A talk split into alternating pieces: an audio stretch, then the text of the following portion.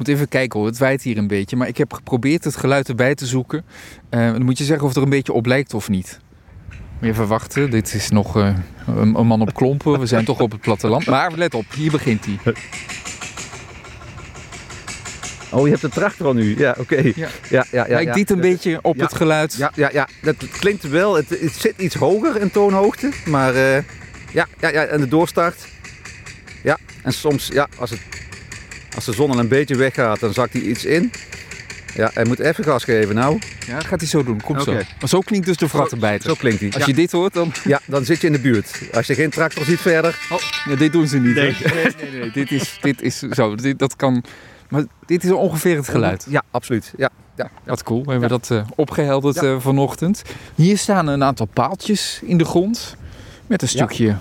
Afrastering eromheen. Je zou bijna denken dit is om uh, de paddentrek in goede banen te leiden. Maar dan zitten ze vast in een, in een vierkantje. Nee, dit was in eerste instantie de, de kooi waar dus de, de springkanen, de volgroeide springkanen, zijn uitgezet. Om tot voortplanting te komen en eieren af te zetten. En uh, wat je nu nog ziet is dat de paaltjes staan, zodat iedereen weet van nou hier moet je niet met, een, uh, met die tractor die je net liet horen uh, overheen gaan. Hier niet gaan ploegen. Niet gaan ploegen, want we willen net dat die eieren rust hebben, want ze zitten dus inderdaad minimaal twee jaar in de grond. Ja, die zitten nu in dit kleine stukje, wat zou het zijn? Drie bij drie meter. Ja. ja. Hier zitten ze in de grond. Ja, absoluut. Dan gaan we vanuit dat er honderden eieren in, in de grond zijn afgezet. Twee jaar wachten, dan komen ze uit.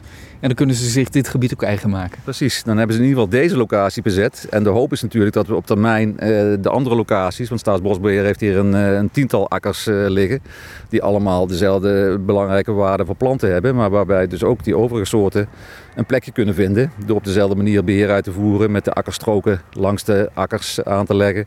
En dat doet Staatsbosbeheer ook op dit moment. En we hopen dus een netwerk te maken van al die akkers, waarbij we de tussenliggende gebieden ja, ook met akkerstroken voorzien. Ja, eh, maar moeten we dan zo, want je vertelde uh, een uur geleden al tegen die bosrand waar we nu tegenaan kijken, ja, dat die, die beestjes die komen daar zeg maar niet doorheen, dus die verspreiden zich moeilijk. Maar is dan de ultieme droom dat vanuit Overasselt hier heel Nederland verbonden wordt met allerlei akkertjes en, en, en randjes waar, waar die, die vrattenbijten zich over kan verplaatsen om weer ja. door heel Nederland terecht te komen. Dat zou mooi zijn. Dan gaan we iets verder terug gebeuren, in de tijd. Iets verder terug in de tijd. Dus we zijn al blij als we het akkernetwerk hier uh, voor elkaar krijgen. Dat hier een goede basis ligt met heel veel dieren.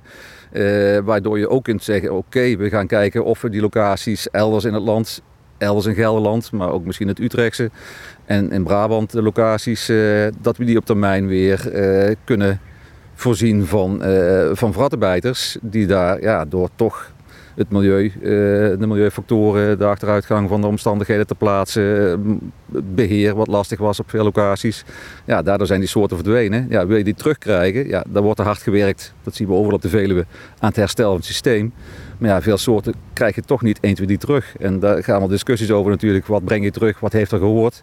Maar ja, een aantal van die topsoorten die dus eigenlijk de kers op de taart zijn voor hoe een gebied functioneert, ja, die komen niet vanzelf terug. Nee. Dus dan moet je misschien toch ook weer gaan uitzetten op andere plekken. Ja, zeker. En dat zorgvuldig doen, weten wat je doet, uh, kijken of het genetisch klopt, uh, dat soort zaken.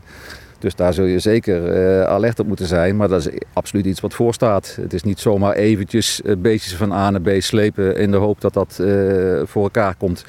Dus het zal nog wel eventjes duren voor die locaties op de Veluwe ook weer uh, functionerend zijn en dat daar iets kan gebeuren. Maar ja, die hoop hebben wij wel dat we dat nog mogen meemaken. Dat dat ook daadwerkelijk voor elkaar komt. Hoe oud ben je? Bijna. bijna tegen de 60.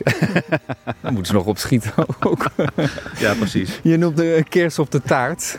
Is de vrattenbijter zo'n kers op de taart? Ja, absoluut. absoluut. Het is echt, uh, ja, het, het, het, maakt het hardste geluid ook als je hier langskomt bij die akkers. Pak hem er zo weer bij, hè, die telefoon. ja, precies. Ja, dus het is hartstikke leuk als je dat uh, alleen al beleeft. En, uh, maar het, het, landschap wat eronder zit, dus alles wat je doet voor die vrattenbijter, toont zich ook in allerlei andere aspecten. Je ziet de bloemetjes, het, het veld kleurt, je weet gewoon niet wat je ziet. Dus het, ik zeg al, het, rondje akkernetwerk, dat wordt net zo mooi als dat je hier langs de vennen loopt en geniet van de, van de water in het vennengebied. Dat krijg je hier dan ook, diezelfde belevenis. En uh, ja, heel veel andere soorten profiteren daarvan. Laten we hopen dat jij het mag meemaken dat we over een aantal jaren... dat we er door heel Nederland in ieder geval duizenden hebben. Dan gaat het weer een stuk beter. Goed plan. Dan kom je nog maar een keer langs. Gaan we doen. Ik dank je wel voor een mooie ochtend. Helemaal goed.